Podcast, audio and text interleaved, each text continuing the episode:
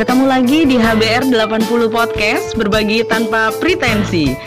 Kami menghadirkan konten-konten podcast pendidikan dan sejarah yang dikemas apik, interaktif, dan menarik. Oke, okay, stay tune terus, keep on listening. HBR 80 Berbagi tanpa pretensi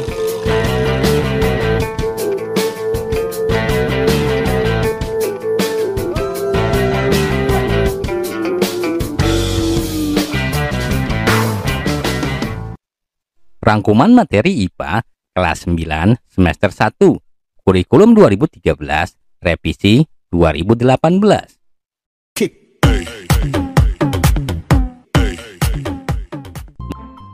Bab 1 Sistem reproduksi pada manusia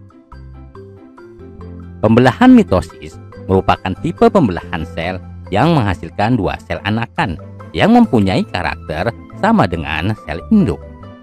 Jumlah kromosom yang dimiliki oleh sel anakan adalah 2N atau disebut dengan diploid. Tahapan pada pembelahan mitosis yaitu propase, metafase, anafase, dan telopase. Pembelahan meiosis adalah pembelahan sel yang menghasilkan empat sel anakan yang memiliki kromosom haploid yang berasal dari sel induk diploid. Pembelahan meiosis berlangsung dalam dua tingkat, yaitu meiosis 1 dan meiosis 2. Tahapan pembelahan pada meiosis 1 yaitu profase 1, metafase 1, anafase 1, dan telofase 1. Tahapan pembelahan pada meiosis 2 yaitu profase 2, metafase 2, anafase 2, dan telofase 2. Sistem reproduksi pada laki-laki tersusun atas alat kelamin luar dan alat kelamin dalam. Yang termasuk alat kelamin luar adalah penis dan skrotum. Yang termasuk alat kelamin dalam adalah testis, epididymis, pars deferens, uretra, kelenjar vesicula seminalis, kelenjar prostat, dan kelenjar Cooper. Spermatogenesis merupakan proses pembentukan sperma yang terjadi di dalam tubulus seminiferus. Kumpulan tubulus inilah yang membentuk testis. Proses pembentukan sperma bermula dari sel induk sperma atau spermatogonium yang bersifat diploid. Selanjutnya, sel spermatogonium mengalami pembelahan secara mitosis maupun meiosis dan mengalami diferensiasi atau perkembangan sehingga terbentuk sel sperma atau spermatozoa yang memiliki ekor dan bersifat haploid. Sistem reproduksi pada perempuan tersusun atas vagina yang merupakan alat kelamin luar. Ovarium, saluran telur, infundibulum, rahim, dan serviks yang merupakan alat kelamin dalam. Oogenis merupakan proses pembentukan sel kelamin perempuan yang terjadi di dalam ovarium. Oogenis dimulai pada saat seorang wanita berada dalam kandungan. Sel primordial akan membelah secara mitosis membentuk oogonium atau sel induk telur yang bersifat diploid. Selanjutnya akan terjadi pembelahan secara bertahap, baik pembelahan mitosis maupun meiosis. Pada akhir peristiwa oogenesis, dari satu sel induk telur akan dihasilkan satu sel telur yang bersifat haploid dan tiga badan polar. Menstruasi terjadi apabila sel telur tidak dibuahi oleh sel sperma. Fertilasi terjadi apabila sel telur dibuahi oleh sel sperma. Setelah terjadi fertilisasi, zigot yang terbentuk akan melakukan pembelahan dan berkembang menjadi embrio yang selanjutnya tertanam ke dalam endometrium. Pada kondisi ini, seseorang mengalami kehamilan. Penyakit yang terjadi pada sistem reproduksi manusia antara lain gonorrhea, sifilis, herpes simplex genitalis, HIV atau AIDS, keputihan, dan epididymitis. Bab 2. Sistem perkembangbiakan tumbuhan dan hewan. Tumbuhan dan hewan dapat melakukan reproduksi secara seksual dan aseksual. Reproduksi aseksual adalah reproduksi tumbuhan atau hewan tanpa melewati proses fertilisasi. Reproduksi aseksual menggunakan organ tubuh ataupun bagian tubuh hewan ataupun tumbuhan. Reproduksi seksual adalah reproduksi yang melalui proses fertilisasi, yaitu proses peleburan inti sel kelamin jantan dan inti sel kelamin betina. Reproduksi aseksual alami tumbuhan angiospermae dengan menggunakan rizoma, stolon, umbi lapis, umbi batang, kuncup adventif daun, dan anakan. Reproduksi aseksual buatan dapat dilakukan melalui cangkok, merunduk, menyambung, menempel, dan stek. Reproduksi seksual merupakan cara reproduksi yang melibatkan sel kelamin dan fertilisasi. Reproduksi seksual pada tumbuhan melibatkan sel kelamin berupa sel sperma yang dihasilkan oleh serbuk sari dan sel telur yang dihasilkan oleh putik. Reproduksi pada tumbuhan gymnospermae secara seksual melalui penyerbukan dan pembuahan yang terjadi pada strobilus. Reproduksi aseksual terjadi melalui tunas akar pada tumbuhan pinus dan bulbil pada tanaman pakis haji. Tumbuhan paku mengalami tahap gametofit dan spororotif. Reproduksi aseksual terjadi pada tahap gametofit, yaitu dengan dihasilkannya sel kelamin. Sel kelamin jantan dan betina yang dihasilkan akan mengalami fertilisasi. Tahapan selanjutnya ialah tahap sporotofit, yaitu dimulai ketika zigot hasil fertilisasi akan tumbuh menjadi tumbuhan paku yang dapat menghasilkan spora. Tumbuhan lumut mengalami reproduksi seksual dan aseksual pada satu kali siklus hidupnya reproduksi seksual dengan menghasilkan gamet jantan dan gamet betina, yaitu pada gametofit. Pada tahap sporofit, tumbuhan lumut menghasilkan spora. Reproduksi lumut secara aseksual dapat melalui gemae atau kuncup. Bab 3. Pewarisan sifat pada makhluk hidup. Gen merupakan serangkaian rantai senyawa DNA yang bertanggung jawab dalam penurunan sifat dari induk kepada keturunannya. Hukum pewarisan sifat berhasil ditemukan oleh Gregor Mendel melalui percobaan menggunakan kacang kapri.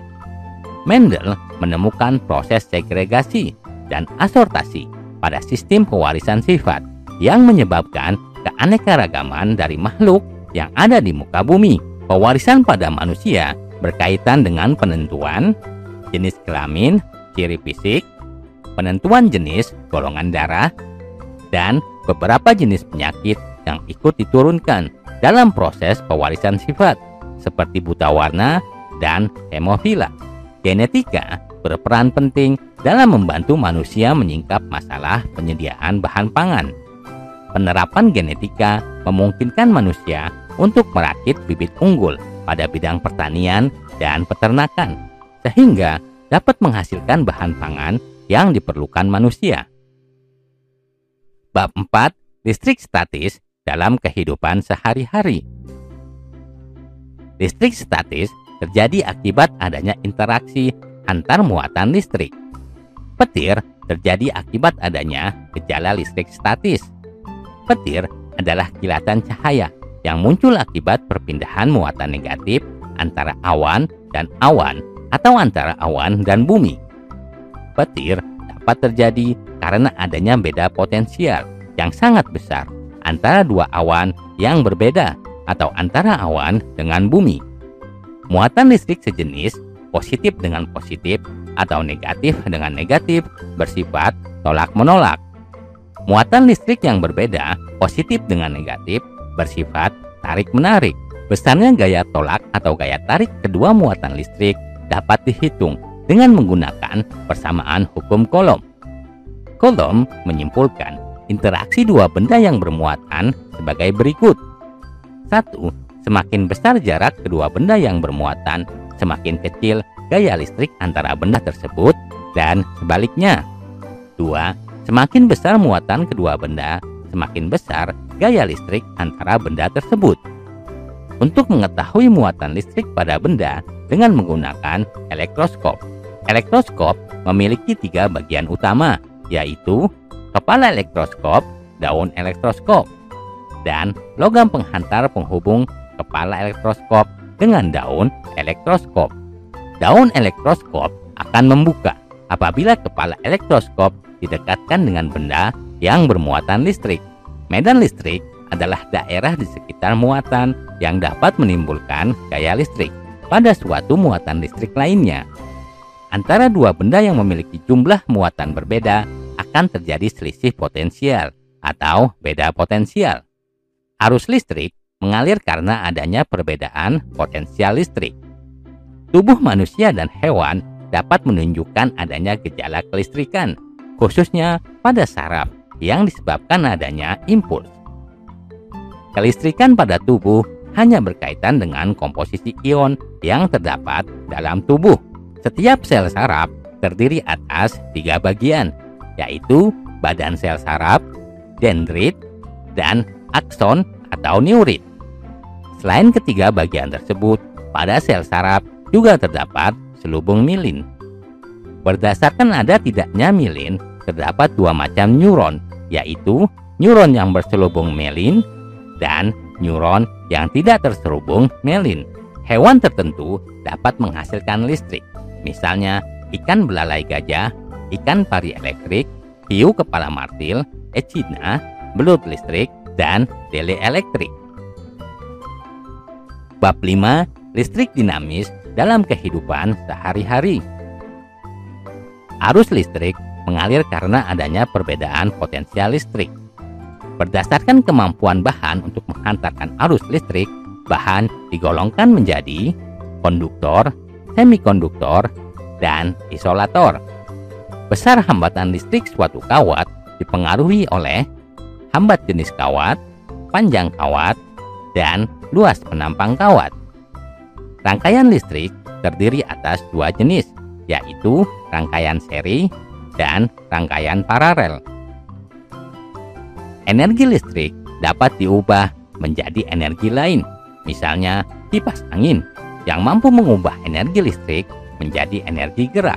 Sebaliknya, energi lain dapat dirubah menjadi energi gerak, misalnya energi kimia pada akumulator dapat diubah menjadi energi listrik. Sumber energi listrik alternatif diperoleh dari sumber energi yang melimpah di alam, misalnya berasal dari energi matahari energi angin, energi air, bioenergi, dan nuklir.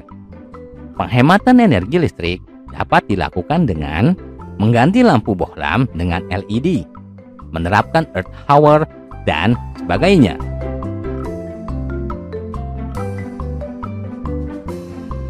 Demikianlah materi pelajaran IPA kelas 9 semester 1 Kurikulum 2013, revisi 2018. Audio Jungle.